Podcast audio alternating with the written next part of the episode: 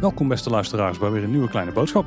Ja, welkom bij de podcast over alles Efteling met Tim Hinsen en Paul Sprangers.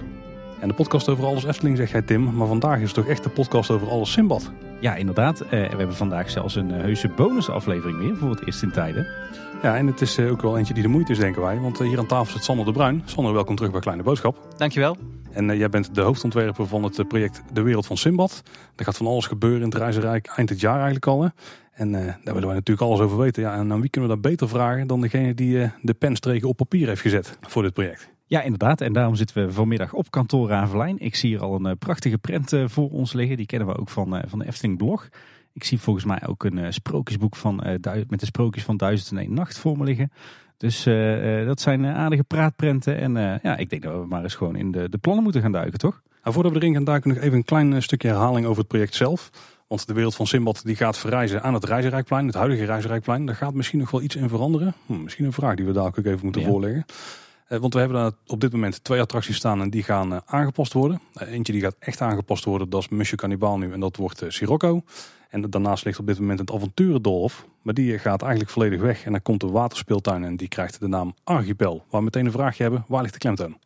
Archipel, Archipel, Heel toevallig hebben we vanmorgen ook een ronde op kantoor gedaan. Wij dachten dat het archipel uh, zou zijn. Archipel, oké. Dan is dat voor eens en voor altijd uh, opgehelderd. De totale projectkosten die zijn 2,8 miljoen. En daarbij wordt dus ook het hele plein wat uh, eigenlijk tussen Vogelrok en die twee attracties op dit moment ligt aangepast.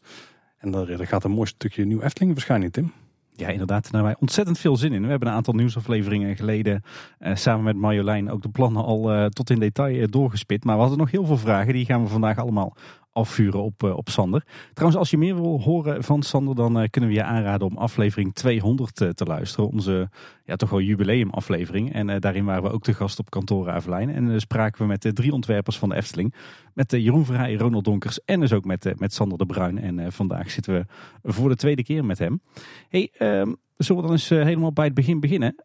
Sander, wanneer ben jij eigenlijk begonnen met dit project? Nou, dat is toch alweer, uh, denk ik, zo'n twee jaar geleden. Dat het leefde om, uh, om iets aan gebiedsontwikkeling te doen bij Reizenrijk. Ik denk dat de wens, heel eerlijk, er wel wat langer lag. En dat is natuurlijk vaak bij de Efteling, hè, dat, het, dat we wel eens mijmeren of denken over van wat zou nou leuk zijn of wat zou goed zijn of interessant zijn voor de Efteling. Alleen het momentum moet dan daar zijn dat we er ook aan mogen werken. En ja, richting dat ze zo langzaam maar zeker naar de oostelijke kant gaan van het park, kwam eigenlijk dit gevoel ook weer dichterbij. En uh, de concrete aanleiding was eigenlijk de mogelijke verbouwing van Panorama. En ook in samenhang met de oostelijke ontwikkelingen. En zo is dat balletje een paar jaar geleden gaan rollen. Oké, okay, dus Panorama was eigenlijk de aanleiding van dit hele project. Dat was eigenlijk de hoofdaanleiding, ja. Hey, je, je had het net over gebiedsontwikkeling. Wat moet ik me daarbij voorstellen?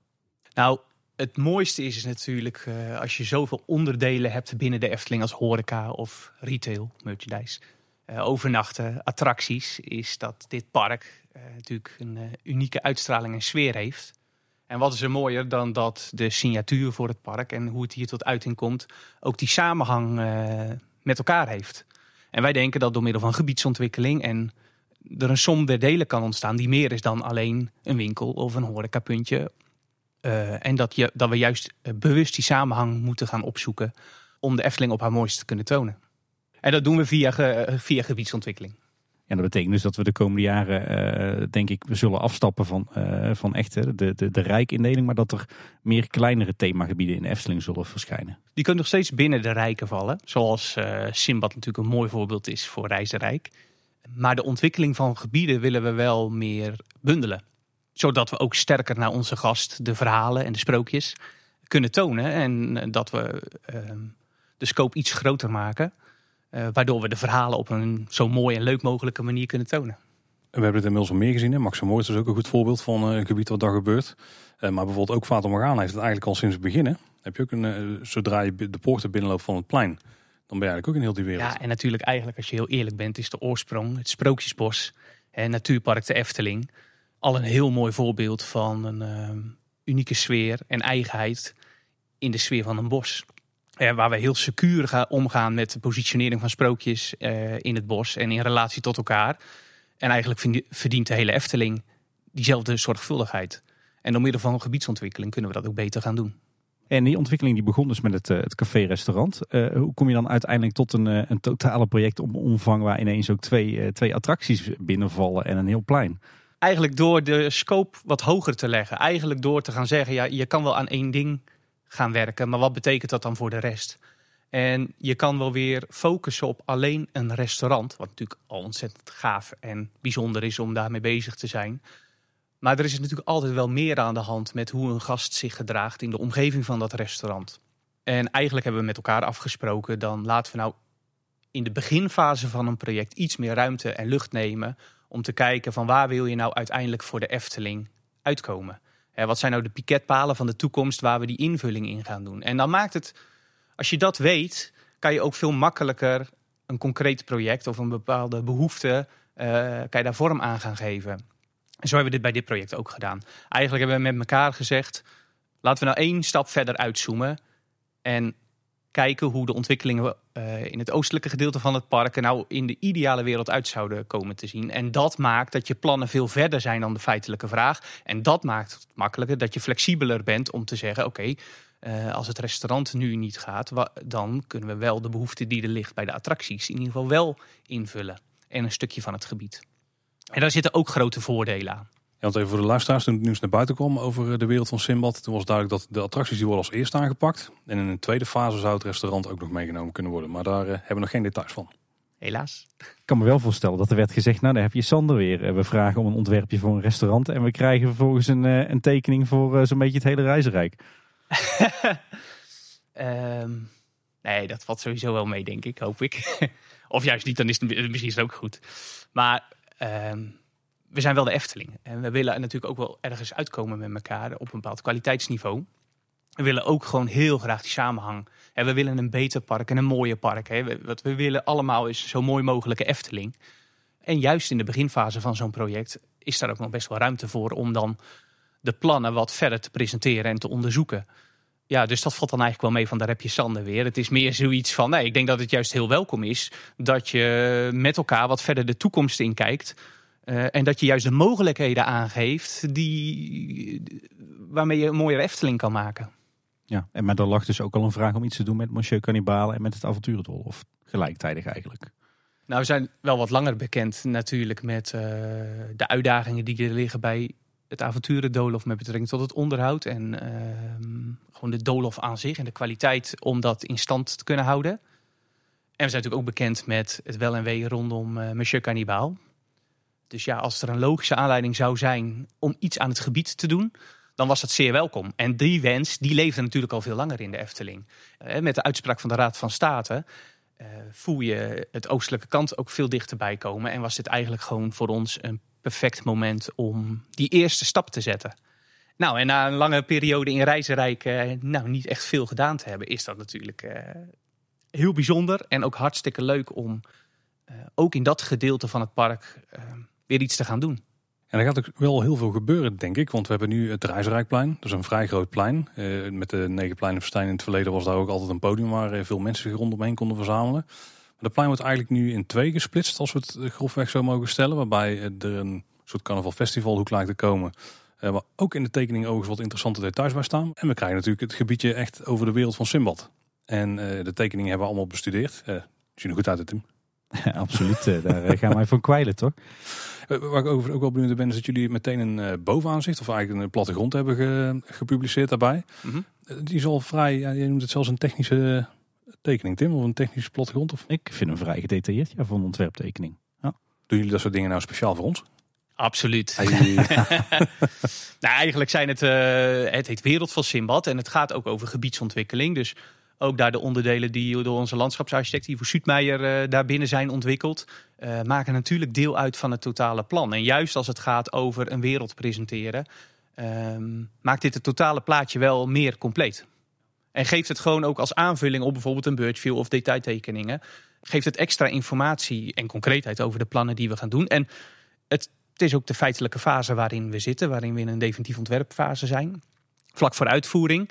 Uh, dus ja, dan zijn de plannen ook zover dat we ze kunnen tonen. Ja, wij zijn er alleen maar blij mee. Hoe meer tekeningen, hoe beter. Nou, bij Zes Zwanen hebben we het geloof ik ook, uh, ja, ook vrij vroeg gedaan. Wat meer verstopt inderdaad. Ja, dat klopt. Ja. Hey, ik wil nog wel even kijken naar het totaalplan. Want uh, we, we, krijgen de wereld van Simbad. Hè. Je had uh, twee jaar geleden een, een ontwerpopdracht. Hoe kom, hoe kom je nou tot, tot dat thema? Was meteen voor jou zonneklaar dat je met Duizend en één nacht ging werken? Of waren er nog andere thema's waar je mee speelde in gedachten? Nee, helemaal niet eigenlijk. Dat was eigenlijk leuk. Het is veel meer organisch daarin ontstaan. Alleen wij hadden wel ehm, de wens om dat wat we in een gebied doen best specifiek te maken. Dus in Reizenrijk zeggen we ook wel echt, het gaat om uh, jonge en oude ontdekkingsreizigers. En dat was wel een soort kapstok waarvan we dachten, ja, we willen dat ook niet helemaal... Is natuurlijk veel fijner om daarop voor te bouwen en iets te maken wat logisch is in die omgeving. Dus dat idee reizen, ontdekkingsreizigers, dat was meer een gedachte waarvan we zeggen, nou, als we met een thema komen of een verhaal, dan moet dat wel voor die jonge en oudere ontdekkingsreizigers zijn dat dachten we van, als dat zou lukken, ook vanuit Jokie en Jet en Carnaval Festival, van reizen is een feestje. En toch als hoofdgedachte dat je denkt van, nou, stel dat het daar een afslag in zou kunnen nemen, dan zou het voor het specifieke reizenrijk natuurlijk wel super leuk zijn om, uh, om daar iets mee te doen. Maar in alle eerlijkheid, wij waren zo bezig met het, uh, het conceptueel interessant maken van het café-restaurant. Dat we even puzzelen was van wat zouden we nou, nou gaan doen. Eigenlijk heb ik niet anders, niets anders gedaan dan gewoon nadenken over wat zou nou logisch zijn op die plek of wat is aannemelijk. En het bijzondere van die plek is natuurlijk dat die best wel atypisch is voor de kwaliteit van de Efteling. In de zin van een heel organisch park, veel natuur, is een heel ander plein. Met een hele aparte geschiedenis. Hè? Ingang van Carnaval, uh, Festival die verplaatst is. Dominante positie van Vogelrok. uh, Café-restaurant. Monsieur Carnibaal ja, wat zou daar nou logisch in zijn? En ja, Vogelrok is natuurlijk een prachtig, prachtige attractie. En ja, is een van de verhalen van Simbad de Zeeman, waar heel, heel weinig bezoekers dat weten. Heel veel mensen kennen alleen de achtbaan in het donker en de vogel. Terwijl als je zegt dat je de hoeder bent van de sprookjes en verhalen, dan kan je daar best wel wat gewoon dat meer aantrekken en zeggen van nou, daar mogen best wel wat sterker over de brug komen. Ja, als je dan eenmaal denkt, hey, dat zou kunnen, dat zou passen, dat zou leuk zijn, ook voor het café-restaurant, dan groeit die gedachte. En dan denk je, ja, dat zou best wel, dat zou best wel eens kunnen. En ja, dan word je enthousiast daarover. En dan is de rest eigenlijk een gevolg van die, uh, van die gedachte om dan de wereld van Simbad en Vogelrok, om dat verder uit te breiden.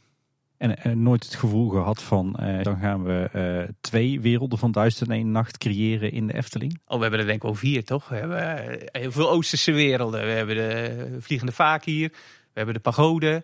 Natuurlijk uh, Fata Morgana. Ik denk dat de wereld van duizend en één nacht ook een heel groot gedeelte in de Efteling vertegenwoordigt. Eh, misschien wel meer dan gemiddeld. En we hadden Vogelrok.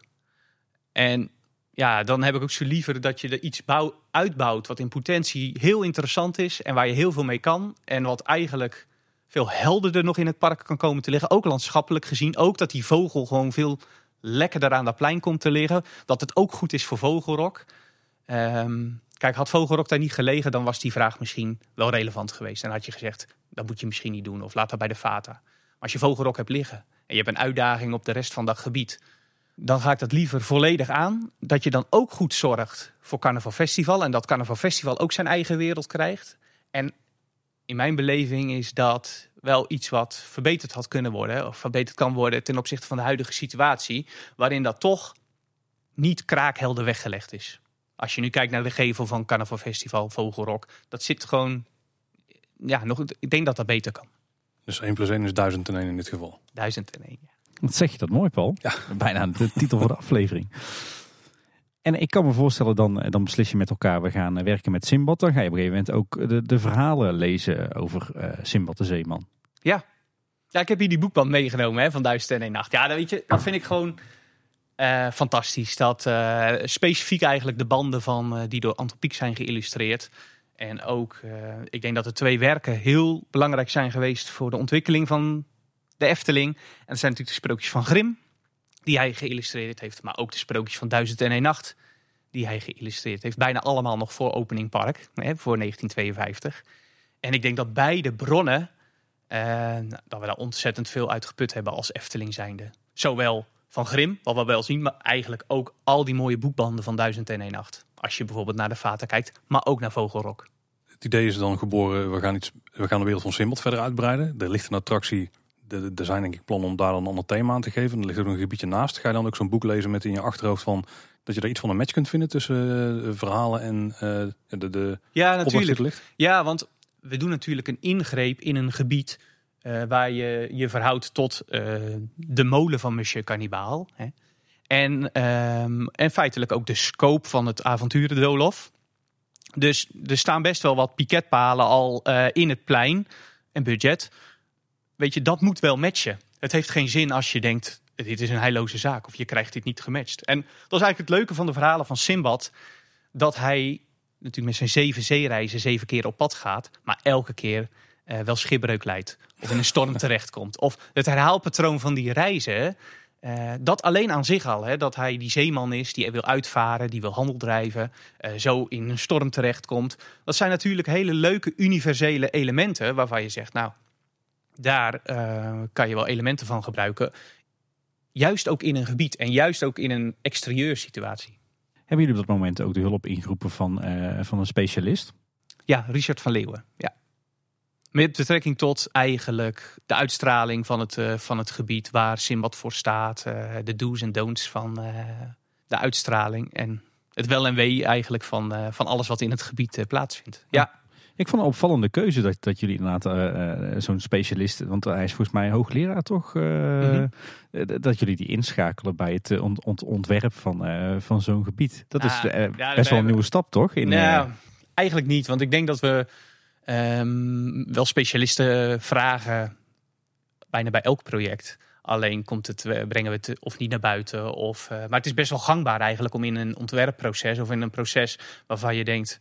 Hmm, uh, is dat wel zo? Of werkt dit wel zo? Of ziet dat er nou zo uit? Dat je toch je ontwerpen toetst aan iemand die daar meer verstand van heeft, veel meer over kan zeggen. En dat is alleen maar altijd ontzettend gaaf binnen een ontwerpproces. Dat je van zo iemand leert en zegt van nou, eh, klopt dat wel zo? Dat je dat zo hebt ontworpen. En dan denk je ja, dat klopt wel. Maar dan later, over twee weken, dan blijft dat toch in je hoofd rondzingen. En dan denk je, klopt toch niet? Ik, uh, ik moet dat gaan aanpassen. En dat, weet je, dat is gewoon... Uh, ja, als ontwerper gewoon super leuk. Want voor mij is dat ook voor een heel belangrijk onderdeel binnen een proces. Dat je open staat voor um, juist bij dit ook andere culturen en, en, hoe het daaruit, uh, en hoe het daar in die cultuur uitziet. Dus hij is in feite jouw klankbord van uh, geef ik nou op een goede, respectvolle manier die Arabische cultuur weer in mijn ontwerp. Ja, ja en zo, zo hebben we ook uh, de ontwerpen aan hem voorgelegd. En ook over ehm, meegenomen in de gedachtegangen van de wereld van Simbad. En, en, en, en hoe hij met beplanting of te, uh, kostuumontwerp of attributen, uh, wat zijn zienswijze daarin was. En dat, ja, dat heeft nog wel uh, tot veranderingen geleid. Ja, kan je zo eens een concreet voorbeeld uh, geven van je zegt dat hadden wij zonder Richard nooit ingezien? Absoluut. Hij heeft ons bijvoorbeeld gewezen op ehm, het bestaan van een astrolabium. Oh, oké. Oh. We gaan iets leren hier. Ik voel ja, het aankomen. Nou, het leuke is, dat ik had eigenlijk Simbad getekend met een, uh, met een kijker in zijn hand. En ik leg, we leggen de ontwerpen voor en hij zegt, nou, volgens mij was dat in die tijd, uh, bestond dat niet. En, ik, en voor mij was dat eigenlijk een cliché van een zeeman die de horizon uh, afkijkt op weg naar nieuwe avonturen. En ja, dat is natuurlijk. En hij zegt, er is een heel mooi alternatief voor. Dat is het astrolabium. Een instrument wat vroeger gebruikt werd om te navigeren op basis van de sterren. En zo hebben we op nog best wel een laat moment in het ontwerpproces, en je ziet het ook in het vignet en op de tekeningen, hem een astrolabium gegeven als zijnde past gewoon veel beter bij, uh, bij de tijd waarin het zich afspeelt, de cultuur waar het zich in afspeelt. En um, op dat moment ben je gewoon blij dat je een, uh, een kenner aan boord hebt die je kan behoeden voor fouten. En het opent de deur naar een wereld waarvan je zelf nog niet zo bekend bent. En dan denk je, ja, astrolabium, het is waar ook. Het is, ik had er wel eens van gehoord. Je kent het ergens wel. Maar dat je dan even daarop gewezen wordt, ja, super dankbaar. En, en wat is een astrolabium dan precies? Een navigatiemiddel. Om je op de sterren uh, te laten navigeren um, en op reis te gaan. Ja, als je kijkt op het uh, concept art waar uh, eigenlijk de, het moodboard zeg maar. Dan zie je daar een, een grote goud-bronskleurige schijf liggen. En met een paar draaielementen erin. En die kun je dus gebruiken om te navigeren over de zee. Kijk. Ja. En ik neem aan dat Richard van Leeuwen ook degene is die uiteindelijk de knoop doorhakte. Wordt het nou Sinbad of Sintbad? Ja, wij gebruikten als Efteling in het sprookjesboek al uh, Sintbad. En ook in deze het sprookjesboek van Duizend en Nacht Gilles Piek is het ook Sintbad. We hebben het wel over gehad, maar niet zo, ja, er worden we uh, meerdere schrijfwijs. Maar wij zijn gewoon traditioneel gebleven in, de, in dat wat we daarin hadden. En het was ook niet uh, in zijn beleving fout. Misschien goed om even het, eh, de, dan eh, de wereld van Simbad in te duiken. Laten we dan beginnen met, met de attracties. En eerst bij Sirocco. Ik moet nog steeds aan de naam wennen, want ik zie nog steeds een achtbaan voor in Walibi Belgium. Maar dat wordt waarschijnlijk binnenkort wel gemeengoed. wat, wat, wat, wat gaan jullie doen? Wat, wat, wat gaan we te zien krijgen bij Sirocco? Wat was het voor attractie? Het leukste eigenlijk is van uh, Sirocco is natuurlijk dat je hier te maken hebt met een transportsysteem. De molen aan zich, die, wat eigenlijk een gegeven is. En het startpunt was van hoe kunnen we dat nou uh, interessant maken. Um, dat het wat logica krijgt. Dat het optoeren van de feitelijke molen klopt met een, met, met, een, met een verhaal waarvan je zegt: oh ja, dan wordt het geheel leuker en passender. Um, en we zaten natuurlijk met Simbad, die van oorsprong die koopman was. En in de wetenschap dat we panorama gaan uh, verbouwen, dachten we dat het leuk zou zijn om er een soort overslagplaats van te maken. Waarin de handelswaar van goederen en verse koopwaar uh, even opgeslagen wordt om dan weer verhandeld te worden. Of om straks richting panorama te gaan.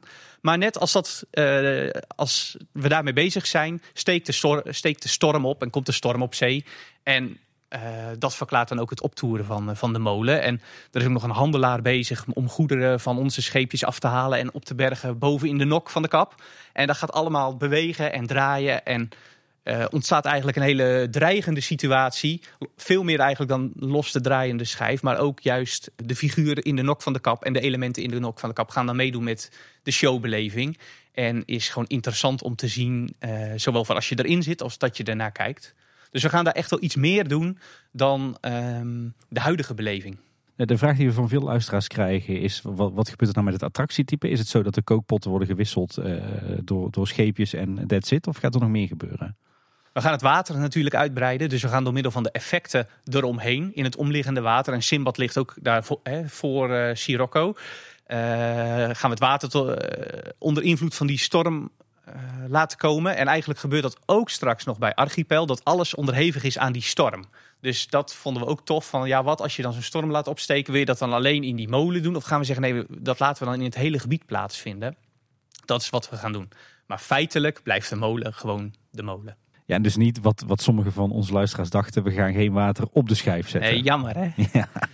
Maar we gaan, wel, we gaan wel hele mooie effecten toepassen om dat water ook in een dagsituatie uh, tot leven te laten komen. Een van de dingen die we in de concept art zagen, maar die we uit de top-down view niet helemaal konden halen, is dat er ook een bootje ligt voor uh, in de plas die rondom Sirocco ligt. Die plas is ook een stuk groter dan dat hij nu is.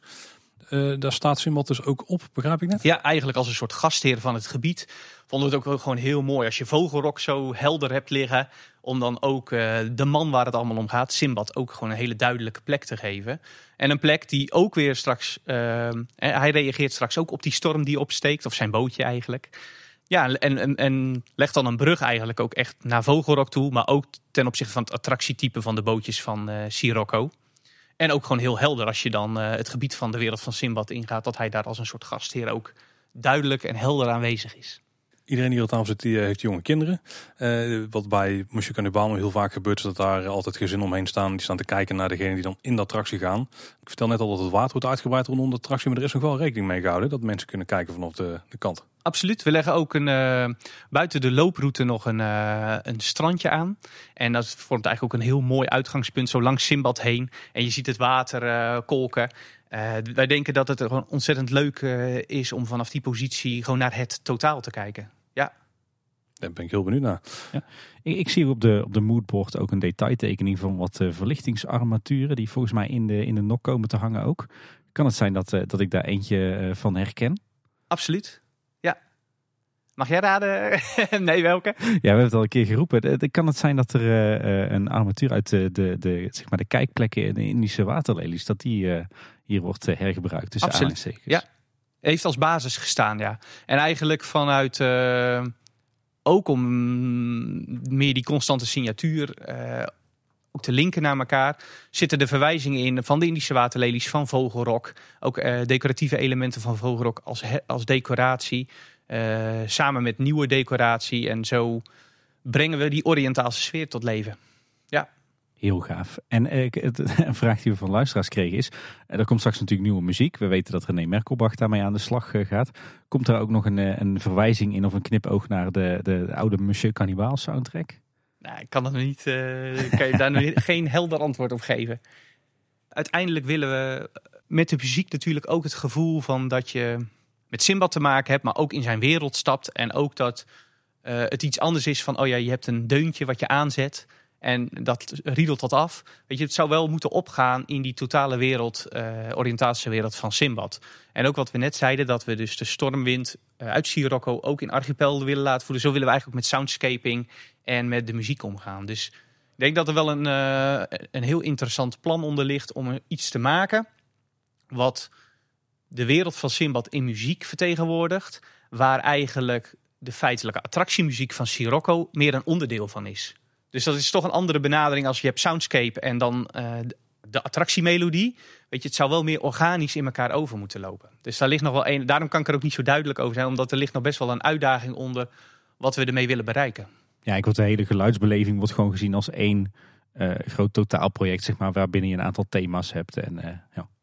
De bootjes zijn natuurlijk een belangrijk element van Sirocco dadelijk. Die krijgen volgens mij qua zitindeling dezelfde layout als de huidige kookpotten, toch? Mm dus je zit in een rondje naar elkaar toe. Mhm. Met een schijf in het midden waar je aan kunt draaien. Ja. En daarom, daaromheen is natuurlijk een bootje gebouwd. Eh, ik weet niet of jullie hier al berekeningen op hebben losgelaten. We hebben er zelf al een discussie over gehad. Maar gaat het ook zo zijn omdat de gewichtsverdeling van die bootjes dadelijk anders is dan bij die kookpotten? Omdat je natuurlijk wat uitstekende delen hebt. Uiteindelijk gaat het over de balans inderdaad van het middelpunt. En was het natuurlijk echt, echt een uitdaging om van iets wat eigenlijk rond moet zijn, zoals vaak de theekopjes of de kookpot, om daar toch dat vormpje, die vorm van zo'n uh, scheepje in te maken. Uh, en dat was ook bij deze ontwerpdoelstelling uh, echt een uitdaging. En gelukkig uh, is het ook gelukt om daar eigenlijk meer die druppelachtige vorm in, in te maken. En daar toch een duidelijke voorkant en een duidelijke achterkant in aan te brengen. Zodat het duidelijk is van wat is de voorkant en wat is de achterkant. In plaats van bijvoorbeeld, oh ja, we, hebben iets ronds en dan zeggen we dat het een bootje is. Want als het een bootje is, moet het er ook uitzien als een bootje. Waar komt sowieso die vorm van de bootjes vandaan? Want ook het schip wat dan voor aan bij Sirocco ligt, maar ook het, het gestrande schip in uh, archipel? Eigenlijk uit kenmerkende handelsscheepjes uit de Arabische wereld. Iets wat wij, waar wij nog discussie over hadden, Paul en ik, tijdens de vorige nieuwsaflevering, is hè, omdat je nu die, die scheepjes hebt, gaan, zij, gaan die scheepjes nou straks om hun as draaien, zoals we dat kennen uh, vanuit Monsieur Cannibal? Of gaan ze ook echt rondzwieren, omdat ze dus uh, excentrisch zijn? In wezen blijft dat hetzelfde, alleen wij gaan wel iets doen met de showprogrammering omdat we net al zeiden, we willen toch echt dat het idee van dat die storm uh, erin komt. Dan willen we wel iets duidelijker uh, aangeven in, de, in het optoeren en het aftoeren van, uh, van de molen met zijn effecten. Ik word steeds enthousiaster naarmate deze aflevering ja, wordt. Zijn er trouwens dingen die jullie in eigen huis doen? De, de vormgeving van de scheepjes en het, het aanpassen van de molen? Of is dat iets waar jullie de, de, de producent van het attractietype uh, Rides bij betrekken? Hele mooie samenwerking, denk ik. natuurlijk het ontwerp hebben we zelf gemaakt in overleg hè, uh, met reviews met Mac. En we hebben elementen zelf geshaped in, in de werkplaats. En die elementen zijn naar Duitsland gegaan en daar ook weer verder uh, in het model aangebracht. Dus ja, voor mij gewoon een hele fijne en goede samenwerking. Waarin ja. we de kwaliteit van de Efteling uh, heel beheersbaar hebben gemaakt. En toch bij de leverancier het ook goed kunnen begeleiden. Door middel van zelf samples maken. En heel duidelijk zijn in wat je, wat je beoogt en wat je wil bereiken. Sirocco die krijgt een eh, ingang die op een andere plek ligt dan waar die nu ligt. Ik neem aan dat het ook te maken heeft met die splitsing van het Reisrijkplein. Absoluut. Ja, zodat je voor de gast ook weet je dat je als Efteling ook de regie hebt over wat wil je nou eigenlijk zeggen en uitstralen van wat wil je dat de gast eerst ziet. dus er zit iets meer chronologie in de looproute, waardoor je eerst heb je de rust voor Carnaval Festival en daarna krijg je de wereld van Simbad. En wij denken dat dat mede zorgt dat, het, ehm, dat de plaats en de duiding van dat plein ook rustiger voor de gast wordt. Nu lijkt de wachtrij, want die ligt eigenlijk tussen Sirocco en Archipel in, lijkt ook een beetje de scheiding tussen die twee gebieden te zijn. Uit de concept art konden we nog niet helemaal halen hoe die scheiding uh, gaat zijn, maar uh, je kunt niet zomaar vanuit Archipel neem ik aan de wachtrij inlopen van uh, Sirocco. Nee, dat zou... Dat, Vanuit het dat zou niet fijn zijn voor de gasten, denk ik. Dan wordt er ruzie op dat punt dan. Het leuke, denk ik, daarvan is, is dat idee van Ivo Suutmeijer dat om dat waterelement, wat natuurlijk belangrijk is bij die zeereizen, om dat als een eenheid te zien. Dus het water van Sirocco, het water van Archipel. Uh, waardoor dat ook duidelijk wordt dat je dan met één ding van doen hebt en één, één gebied. Uh, en zeker met um, het toch al veel aanwezige water uh, voor panorama. Gewoon een, een heel mooi, uniek karakter geeft aan. en een eigen duiding geeft aan, aan dat stukje rondom Simbad. Dan gaan we denk ik al een beetje richting archipel. Dus het water vormt uiteindelijk één geheel. Is, er nog een uitdaging voor de waterkwaliteit waar de kinderen in moeten spelen? Zeker, ja, inderdaad. Het is ogenschijnlijk één geheel. En, uh, en uiteindelijk is dit natuurlijk een waterspeelplaats waar je met kinderen in moet kunnen spelen. Dus daar is zeker aandacht voor, ja. En ook een uitdaging. Vandaar ook dat de brug eigenlijk op dit, uh, dit onderdeel uh, ligt. Ja, het is stiekem een scheiding om die kwaliteit. Ja, ja, ja. ja, ja. Uh, maar betekent dat dat, dat archipel een, een betonnen bak met chloorwater wordt? Of hoe, hoe, gaan jullie, hoe zien jullie dat voor je? Hoe gaan jullie dat bereiken?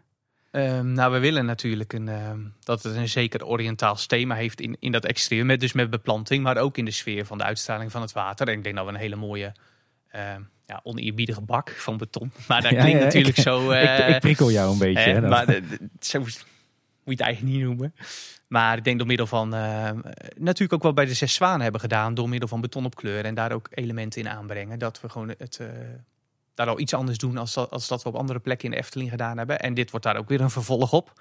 Wat heel veel mogelijkheden geeft om daar uh, leuke elementen in aan te brengen. En um, verhalende elementen in, in dat beton mee te, mee te printen. Ja. Misschien een wat algemenere vraag.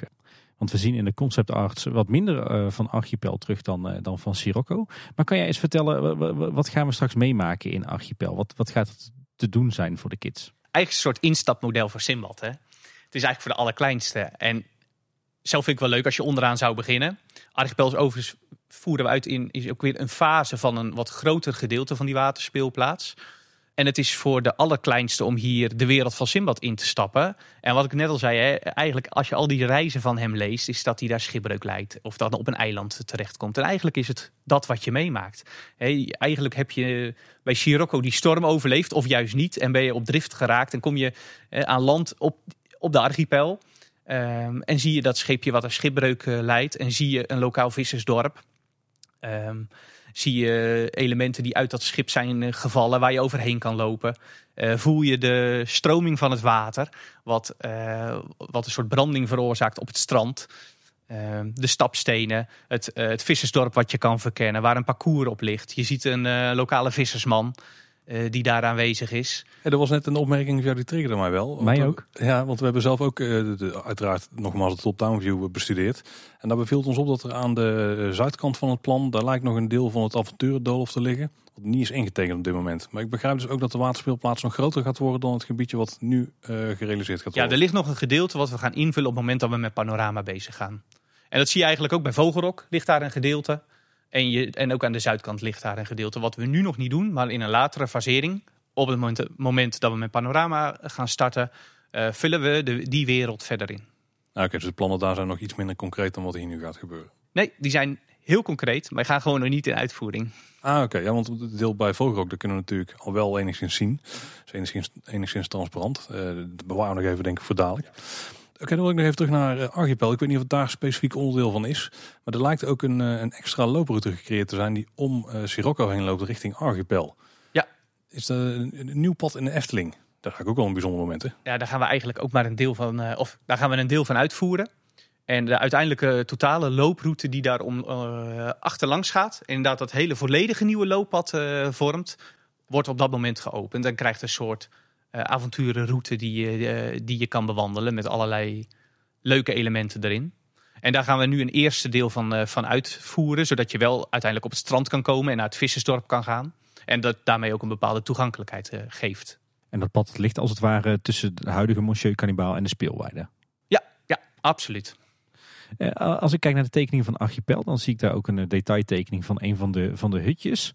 Uh, de bouwstijl doet me een beetje, beetje Polynesisch aan. Met ook een knipoogje naar een beetje de, de, de stijl van uh, Monsieur Cannibal. En een hutje wat we ook in het avonturendolhof zien nu. Hè, met, die, met die bamboe. Ja. Uh, wat is dat voor, voor ontwerpstijl?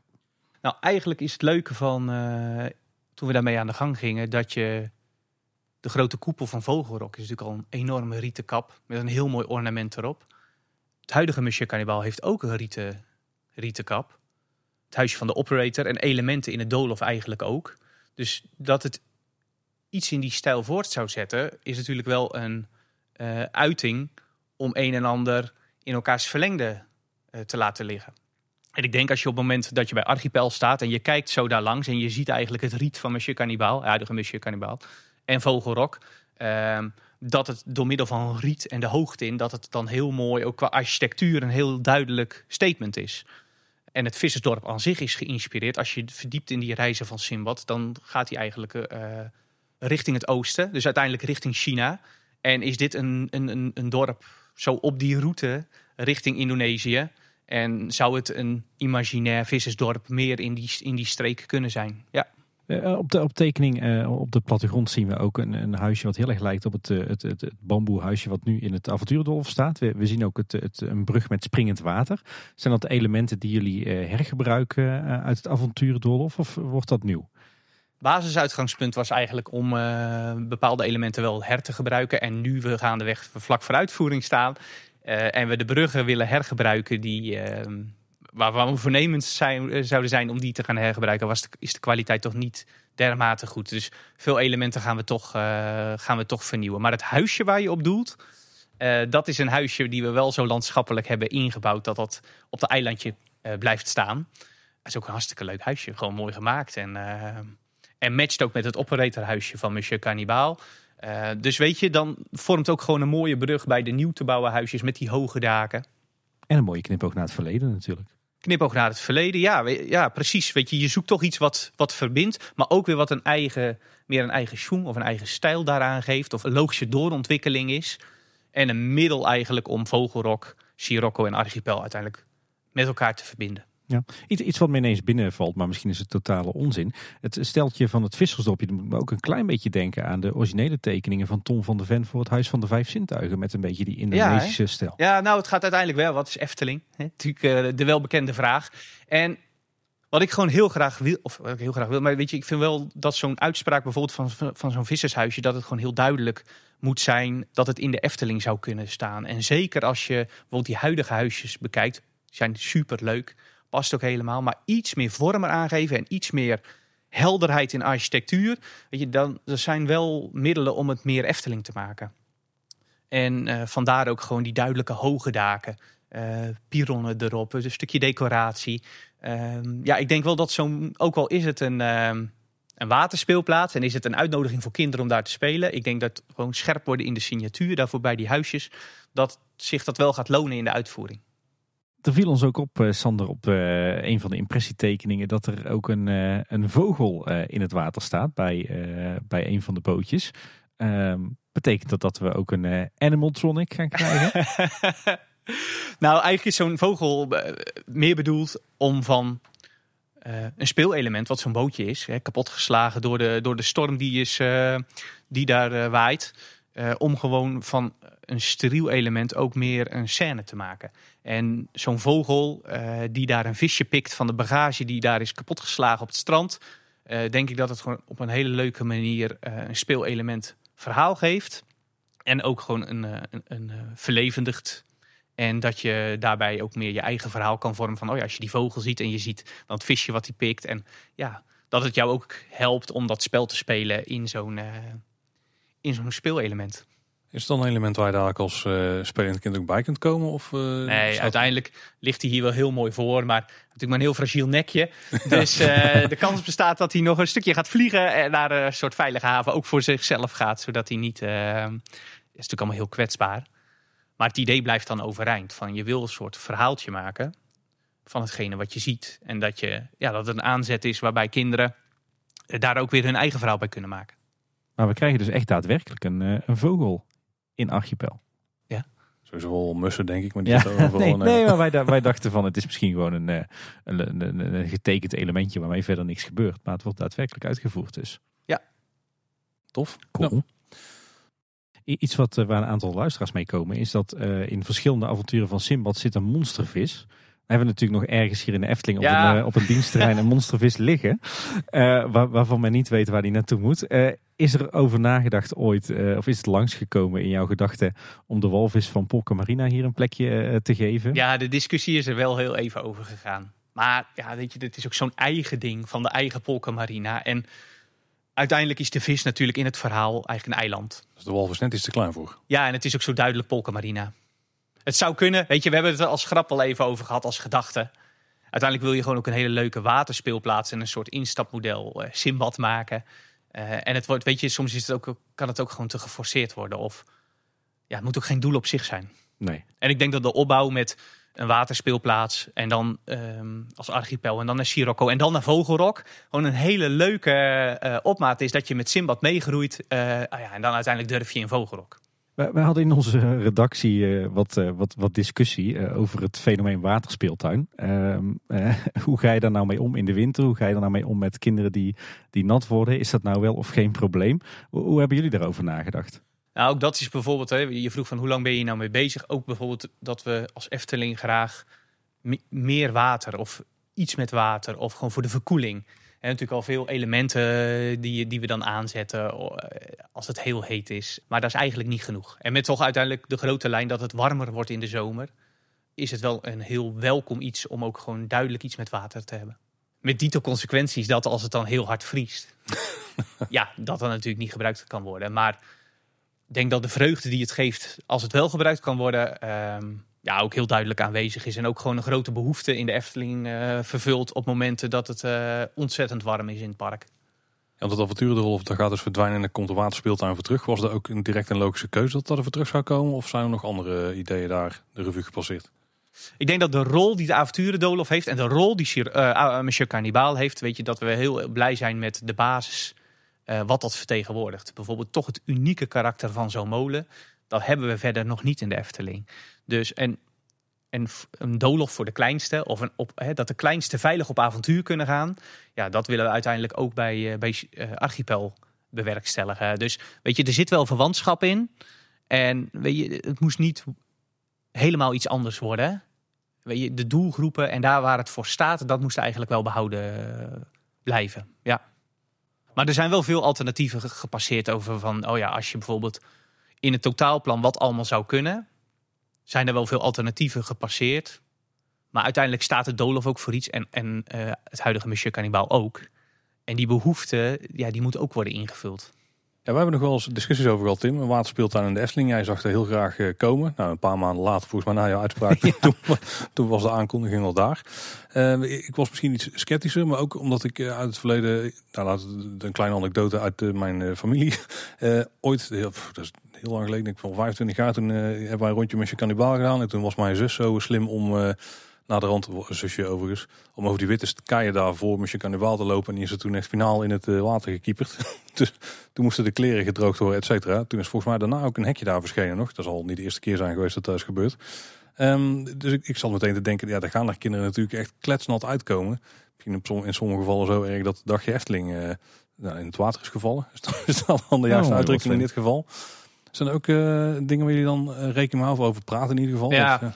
nou, je ziet natuurlijk eigenlijk best een goed voorbeeld bij, de, bij het volk van Laaf. Met de, de, de stronken die, waar je overheen kan stappen. En het is natuurlijk dik wel stak daar loop dat ik dit voorbeeld zie gebeuren. en dan ouders in paniek en boos. eigenlijk naar hun kinderen toe. Dus ik denk dat voor ouders een hele bewuste keuze moet zijn om, de, om die, dat entreegebied in te gaan. En ja, weet je misschien dat het ook zich nu ook wel heel duidelijk voor zich spreekt. En dat je gewoon als ouders gewoon heel bewust zegt, daar gaan we in. Het heeft ook een duidelijke ingang. En dan weet je eigenlijk ook wat je kan verwachten. En anders moet je daar niet in gaan. Nee. Dus ja, eh, maar ik kan de frustratie als ouder helemaal begrijpen. Zeker als je dat nooit had verwacht en je kind wil daar heel graag in. Maar ik denk dat het ook wel een fijne locatie is eh, aan het terras bij Panorama. Uh, juist uh, als je wat meer tijd hebt of even uh, kan pauzeren. Of als de dag zich ervoor leent. Ik denk dat het voor heel veel gasten ook een welkome verkoeling is. Ja. ja, ik denk dat wij als drie jonge vaders alleen maar kunnen zeggen als toptip. Neem altijd een extra setje kleren mee voor je kind als je een dagje uitgaat. Ja. Zit er ook in jullie luiertas? ja, zeker.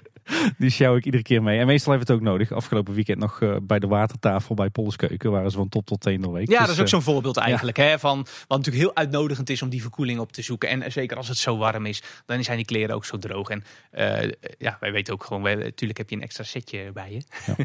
ja gaan wij in Archipel nog echt speeltoestellen zien zoals we die ook in, in Nest zien? Van echt zeg maar vanuit de, de catalogus? Of worden het echt de balken en de stapstenen en de keien? En wordt het allemaal echt Eftelingse eigen bouwsels? Goed punt. Nou, we werken natuurlijk omdat het over speel, uh, speeltoestellen gaat. Wel met leveranciers en ook met uh, veiligheidsmaatregelen die ook uh, daar van toepassing zijn. En dan ga je wel echt die discussie aan over welk sample krijgen we en hoe Efteling maken we dat dan. En er ligt een stalen kaart aan bijvoorbeeld bamboe of bijvoorbeeld riet. Dus ja, dat kader wat er ligt is best wel maatgevend en sturend voor wat we daar dan op, uh, nieuw bij gaan bouwen. En dan kom je precies dat tegen. Van wanneer zeg je nou van, oh ja, dat is oké. als zijn een soort speeltoestel. En wanneer trek je het eigenlijk als Efteling meer naar je toe. En zegt, nou, daar willen we toch echt nog een stap in maken. En als we nou de basis wel kunnen behouden, kunnen we dit er dan mee doen. En kunnen we dat ermee doen. En kunnen we, mogen we dat daar aanzetten. Een super spannend uh, snijvlak met speeltoestellen. Uh, maar wel echt, ja, voor mij ook gewoon als ontwerper uh, heel uitdagend binnen dit project. Omdat het natuurlijk een heel interessant snijvlak is om, om mee bezig te zijn. En niet dat je ik zou maar zeggen, het Robinia speeltoestel hier uh, op de hoek van Kaatsheuvel uh, neer gaat zetten. Nee, dat vormspecifieke ja. is natuurlijk ontzettend belangrijk. Ja, dat klinkt hoopgevend. Het is wat je zei, Paul. De verwachtingen gaan wel steeds verder omhoog. Ja, laten we hier nou, Het zijn ook de concrete voorbeelden eigenlijk waar we nu middenin zitten. dus je maakt een sample van een, van een leverancier waar je... hetzelfde als met MAC. Weet je, je wil een goede verstandhouding waar een deel expertise van een leverancier zit. En een deel heel eigen sturing en eigen talenten die daar vorm aangeven. En daar wil je gewoon samen het beste eh, van maken. Je zei net dat er één ingang komt tot het gebied van Archipel. Uh, die indruk kreeg ik zelf aan de hand van de tekeningen niet per se. Maar er, komt, er is dus echt maar één in- en uitgang. Vergelijkbaar met Nesten dadelijk. Voor Archipel wel. Dus je gaat eigenlijk, heb je één entreegebiedje. Het leuke daarvan is, is eigenlijk dat daar, de element, dat daar eigenlijk Simbad net uh, nog wat bagage heeft staan voor, voordat hij aan zijn reis begint. En er is ook een mooie kaart van de, eigenlijk de legende van die reizen aanwezig, uit steen gehouden. Een soort startpunt en die geeft eigenlijk toegang tot de twee gebieden. Dus je krijgt een duidelijke ingang Archipel en een duidelijke ingang Sirocco. Pas als die rondgang helemaal rond is, geeft de mogelijkheid in die, in die tweede fasering van, uh, van het gebied van Archipel, dat je zou kunnen denken om daar die hele rondgang uh, te maken. Een van de dingen die me ook opvalt is dat Archipel een stuk meer ruimte lijkt te gaan beslaan, of in ieder geval meer het plein op komt uh, ten opzichte van het avonturendolf. Zie ik daar verkeerd of klopt dat? Ehm, nee, want ik denk dat de demarcatie van de beleiding zoals die nu ligt in de hoofdroute richting de pagode, dat die eigenlijk eender is. Ja, misschien komt die een stukje hier iets meer een stukje meer, het, zoals alles eigenlijk, denk ik net, iets meer het plein op komt. Ook weer niet uh, ontzettend. Uh, ja. Je hebt ook gewoon wel je doorstroom nodig natuurlijk. Uh, dus de hoofdroute en natuurlijk het vrachtverkeer wat er doorheen gaat. nou, allerhande verkeer, ook voor onderhoud, ook zware kranen. Ook met al die dingen hebben we wel rekening te houden. Dus je hebt toch een bandbreedte aan breedte die je gewoon moet respecteren ook qua loopstroom natuurlijk. Alle gasten die, uh, die daar komen, uh, die richting Ruigrijk gaan of straks nog verder richting, uh, richting het oosten. Is, dat, is, is dat allemaal behoorlijk aan de maat. En misschien goed om dan, want we, want we hebben het al over het plein. Sander, misschien kan jij vertellen en, en uitleggen wat er nou precies verder gaat gebeuren met het plein, met de landscaping, met de elementen daarin. Wat, wat gaan jullie nu doen? Het grootste doel is natuurlijk dat je in dit klimaat een tropisch, meer oosters gebied aan, uh, aanlegt. Dus in die groenvlakken gaan we ja, de beplanting anders inrichten. Water, hè, wat we net al benoemden, water gaat een enorme uh, grotere rol, uh, rol spelen. Het element van strandaanwezigheid. Ehm, ja, dat samen moet een, een decor vormen waar je eigenlijk in de, in de voetsporen van Simbad stapt om, om zijn avonturen te beleven of herbeleven. en eigenlijk als middel om, om tot een verdeling te komen van hm, heldere gebieden juist ook voor Carnaval Festival. Uh, en ook voor Simbad. En er komt volgens mij een soort van scheiding tussen de wereld van Carnaval Festival en de wereld van Simbad. Door middel van uh, ja, een, een, versmalling van het pad en een brug daarin. Hè? Ja, en, en natuurlijk eigenlijk de, de, het belangrijkste, uh, die, voor mij een belangrijk element is die groenstrook die, daar, die daarvoor ligt. En het leuke, of het leuke daarvan is, is, is dat eigenlijk als je naar de schildering kijkt van Vogelrok, dan zie je eigenlijk al het landschappelijke karakter wat het zou moeten zijn in realiteit. Eigenlijk is dat je achtergronddoek van een toneel. Eigenlijk zijn dat de bouwstenen die we naar voren moeten halen om een authentieke wereld te creëren. En dat is ook exact wat we gaan doen. En dat zie je ook bij de maquette in Vogelrok. Vogelrok staat daar op dat eiland, in de achtbaan zelf. Uh, en daar zie je eigenlijk is dat ja, een beetje, eh, maar een beetje overdreven misschien, maar dat is wel als, als zijn een soort schaalmodel van wat we natuurlijk hier één op één gaan doen. Een beetje jammer dat we die nooit goed kunnen bestuderen. Gaan we iets te vlot langs. Fotoboekje. Ah, ja, goed idee, ja. ja. Misschien gaan we ook even snel aan de andere kant van die barrière kijken. Ook al hebben we het daar nu niet echt over. Maar er zijn wel een paar opvallende elementen. En die kunnen we niet on, onbevraagd laten. Uh, er lijkt een soort ronde locatie te komen. Wij denken aan een podium of zo. Ja, jij bedoelt nou het, het Carnaval Festivalplein. Ja, ja zeker. Ja.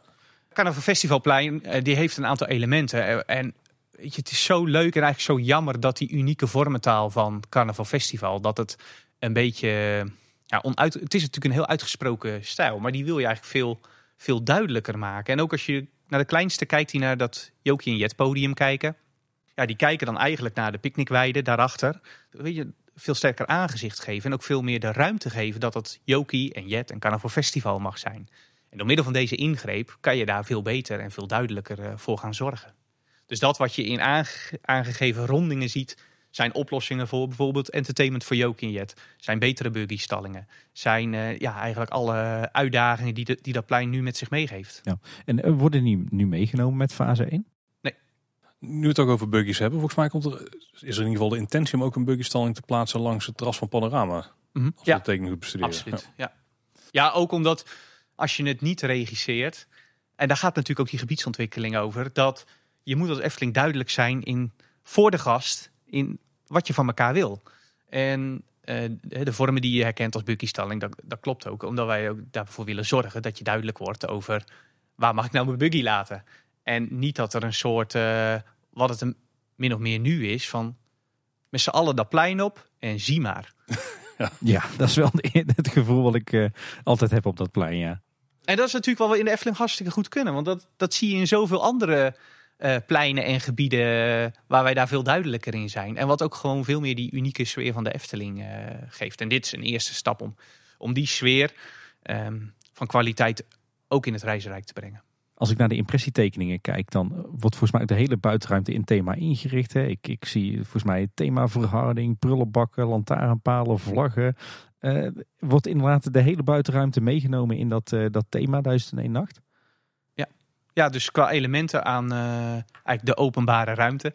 Hè, maar dan voor het themagebied zijn dat de elementen natuurlijk die heel dankbaar zijn om die unieke sfeer te creëren. En een mooi voorbeeld vind ik zelf ook gewoon de unieke uitstraling bij de wonderwachters de Pardoespromenade.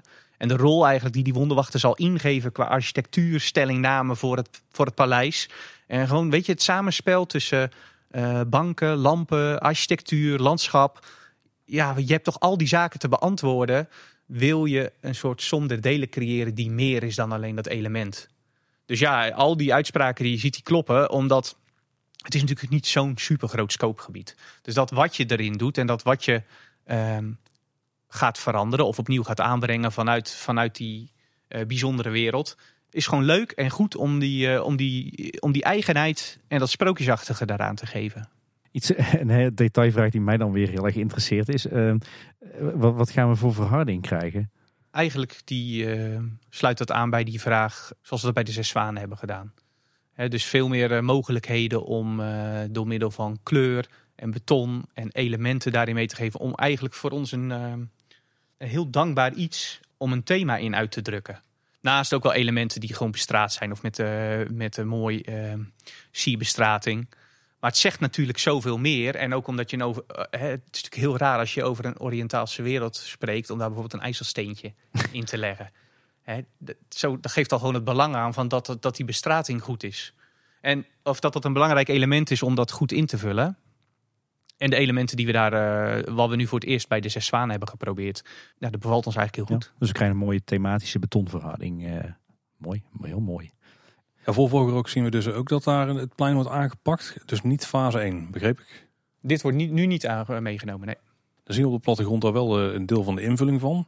Daar hebben we toch zelf heel veel vragen over. Want er lijkt een soort uh, rivierbedding te zijn, die is drooggevallen of zo. En als we ook, uh, er, is ook iemand geweest die heeft heel erg specifiek zitten kijken naar de aankondigingsvideo. Waarbij dus ook al uh, de vlucht over de woestijn zag en dan de opgedroogde woestijnbodem, zeg maar, met, waar dan in één keer Sirocco uit, uit ontstond.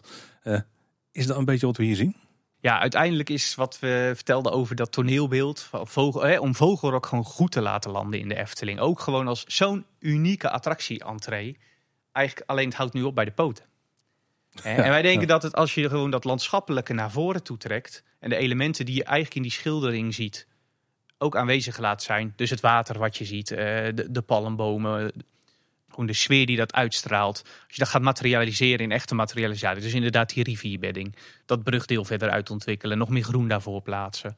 Ehm, dat het kwalitatief ook een veel mooier beeld en een veel logischer beeld voor een superbelangrijk element uit die verhalen van Simbad, namelijk Vogelrok, um, gewoon een perfecte, perfect decorbeeld uh, zal geven.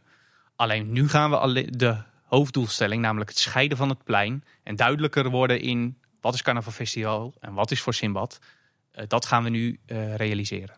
Maar de, de, de, de, grote brug die de twee, uh, twee nieuwe pleinen verbindt, een heel prominent element, ja, die wordt nu we wel gaan wel echt, wat we wel gezegd hebben, we willen Vogelrok uh, Sirocco en Archipel werkelijk aan elkaar verbindt. Zodat je niet ergens staat en denkt, oh ja, daar moet ik er dan bij gaan denken. Weet je, dat hoort gewoon uh, aan elkaar vast te zitten.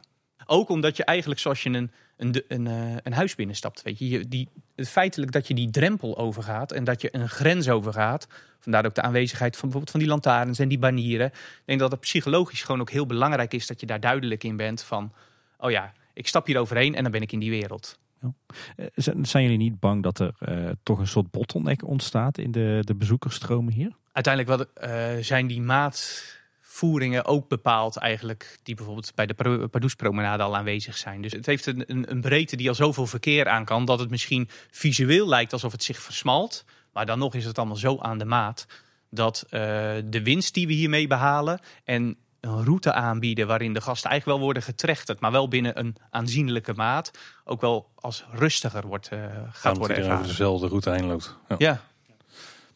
Ik ga toch nog even terug naar het gebiedje voor Vogelrok hoor, want eh, we zien er ook een bootje en een stijgertje liggen. Uh, gaan we hier ook nog water zien? Of? Uiteindelijk wel. Ook omdat we daarmee de entree van de Vogelrok uiteindelijk ook iets meer richting panorama gaan, uh, gaan leggen. Zodat je van rechtsaf aan aankomt en ook weer start vanuit het gebied. He, zo de beweging die we gemaakt hebben van Musje Cannibal naar Sirocco. Om aan deze kant, of aan deze kant, aan de kant van panorama in te stappen, gaan we ook met Vogelrok doen. Ah, Oké, dus je loopt eigenlijk aan de ene kant kun je het uh, Vogelrok in en vanaf de andere kant kun je er weer uit, bijvoorbeeld. Mm Alleen dat gedeelte van de waterpartij, zeg maar, als ik kijk vanuit Carnaval Festival links van de brug die we gaan krijgen op het, uh, op het plein, uh, die wordt dus pas in fase 2 aangelegd. Ja. Sander, jij zei net, uh, het panorama wordt in fase 2 aangepakt. Ehm, maar dit wordt natuurlijk wel een, een heel nieuw immersive themagebied. Gaan we hier ook al volgend jaar thema horeca zien? verkoop van Oosterse producten wellicht, Oosterse eetkarretjes, tentjes? Uiteindelijk gaan we wel merchandise en horeca iets herpositioneren. Maar een groot meeslepend plan met uh, duizend en één eh, gerechten of souvenirs. Het past natuurlijk gewoon bij straks wel bij de schaal van, van de uitbreiding. Dus we denken dat we iets aan merchandise doen, dus iets aan horeca. En, en er zijn ook zoeken van hoe kunnen we met entertainment ook lokaal in dat gebied uh, iets bijzonders gaan doen. Kijk, dat klinkt veelbelovend. Wat ik nog wel benieuwd naar ben, is eh, als je nu kijkt naar bijvoorbeeld een zomer en het Reisrijkplein en er is er geen optreden, dan, dan lijkt het af en toe wel een soort uh, bankenparade. Want er zijn uh, vrij veel zitplekken dan gecreëerd op het plein. Nou, niet meer hoor, met corona. Nee, zijn allemaal weg. Vroeger, Tim, vroeger. Komen er ook weer veel zitplekken terug? Want ik zag wel volgens mij één bankje ingetekend staan, maar dat was ook de enige die ik kon spotten. Twee. Twee bankjes, oh sorry, twee bankjes, ja.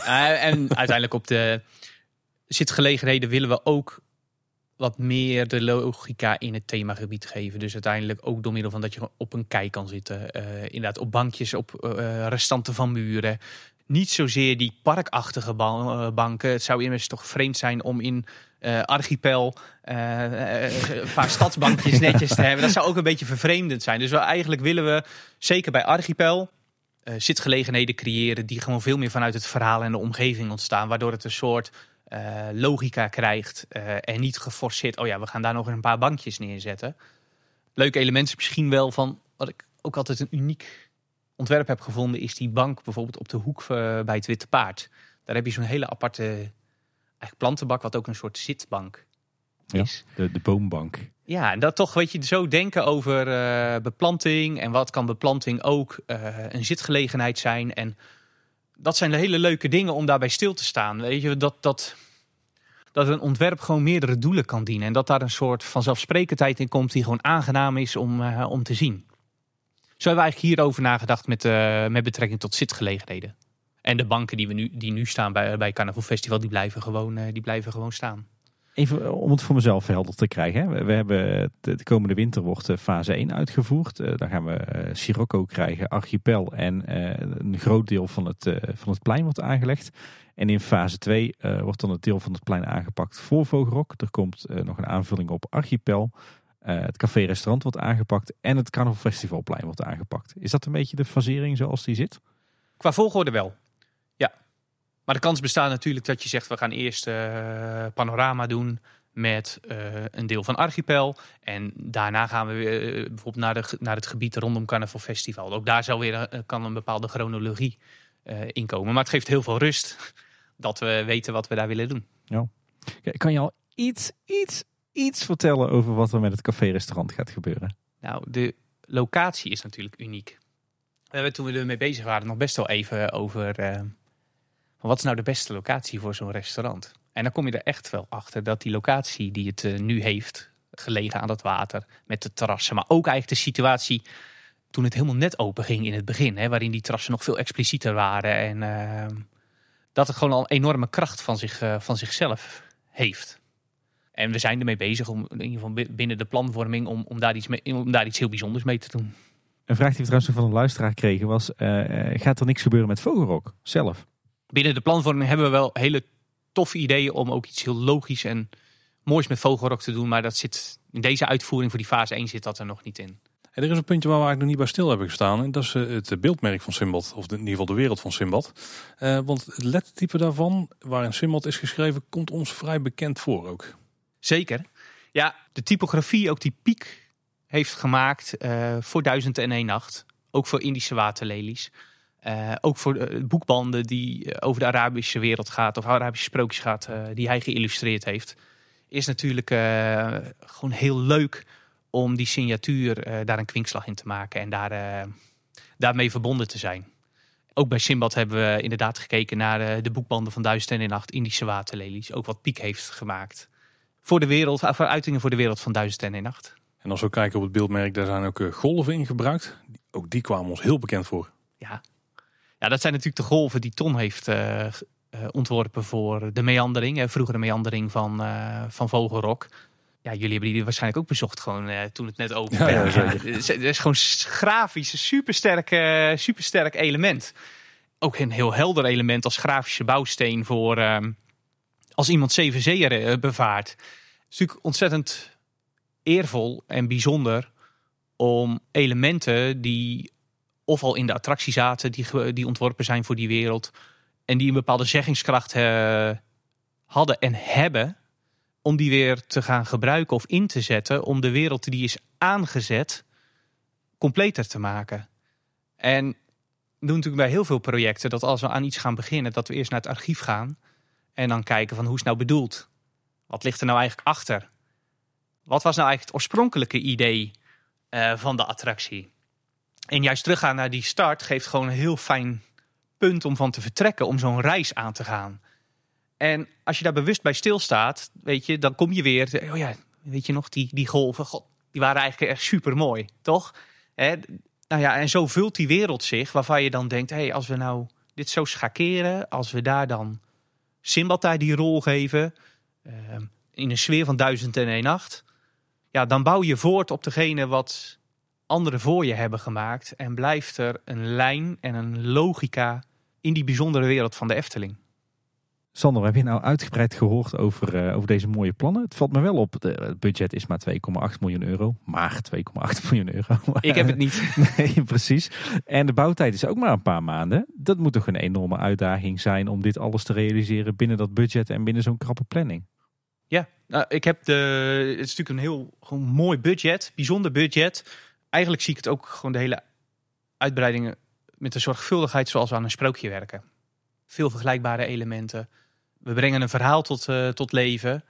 En er wordt nu ook al veel uitgevoerd. Hè. Dus er zijn ook elementen, bijvoorbeeld bij MAC, die in realisatie zijn.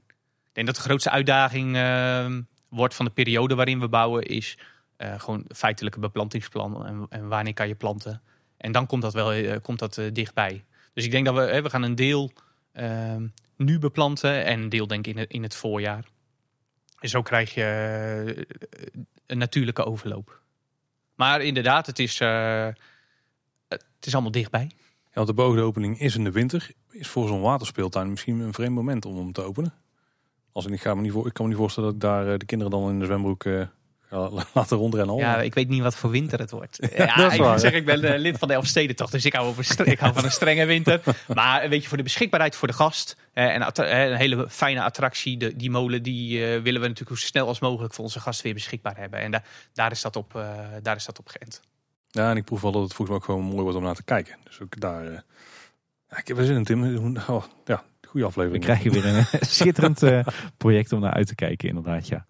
Nou, Sander, volgens mij hebben we bijna alles kunnen vragen wat we maar kon vragen. En luisteraars, als je nou hebt zitten schreeuwen naar je podcast-app dat we iets niet hebben gevraagd, ja, sorry. we hebben er gewoon echt niet aan gedacht op dit moment. Nee, meestal zijn onze bonusafleveringen zijn die wel kort en bondig. Maar daar zijn we deze keer niet helemaal in geslaagd, hè? ten opzichte van de nieuwsaflevering steeds nog best bondig hoor. Oké. Uh, Sander, uh, erg bedankt dat je uh, ons een inkijkje wilde geven in het nou, wat er gaat komen. Toch weer een paar details opgepikt, Tim, die ik nog niet wist. Ja, precies. Ik kijk wel echt enorm uit naar de bouw en natuurlijk ook straks de opening. En Sander, we hopen jou straks bij de opening, als het tegen die tijd weer mag, natuurlijk ook weer even te spreken over het, het eindresultaat. Nou, heel graag gedaan en zie jullie bij de opening. Daar houden we je aan. Dat was weer voor deze bonusaflevering. Heb je nou een vraag voor ons of wil je dan toch melden dat we echt een enorm opzichtige vraag zijn vergeten te stellen? Dan eh, kun je die eh, bijvoorbeeld via Twitter naar ons toesturen, via Boodschap. En op Facebook en Instagram zijn we Kleine Boodschap. Onze website is kleineboodschap.com. Daar vind je de aflevering. Zal ik even wat linkjes weer in de show notes zetten naar, naar het blogbericht waarin Efteling deze plannen bekend maakt. Dan kun je de, alle afbeeldingen in detail ook nog zelf even doorkijken. Dan linken we ook naar de nieuwsaflevering waar we dit al hebben proberen te analyseren. Maar waar we er toch blijkbaar op een paar punten best naast zaten. Gebeurt ons verder nooit. Nee. En je kunt er ook een eh, contactformuliertje invullen mocht je nog meer langere vragen hebben. Ja, en verder zijn we bereikbaar via eh, de mail info.kleineboodschap.com. Uh, en je luistert ons natuurlijk in alle mogelijke podcast-apps op Spotify en op onze website. En dat is kleineboodschap.com. En wil je nou een reviewtje achterlaten, dan kan het beste bij Apple Podcasts. Kunnen we altijd erg waarderen. En ben je nog niet geabonneerd, dan klik even op het abonneren knopje. Ja, en aanstaande maandag zijn we natuurlijk weer om vijf uur s ochtends met een reguliere aflevering was in ieder geval weer voor deze bonusaflevering. Sander, nogmaals bedankt. Heel graag gedaan. En luisteraars, eh, bedankt voor het luisteren. Tot de volgende keer. En houdoe. Houdoe waar. Tot de volgende keer.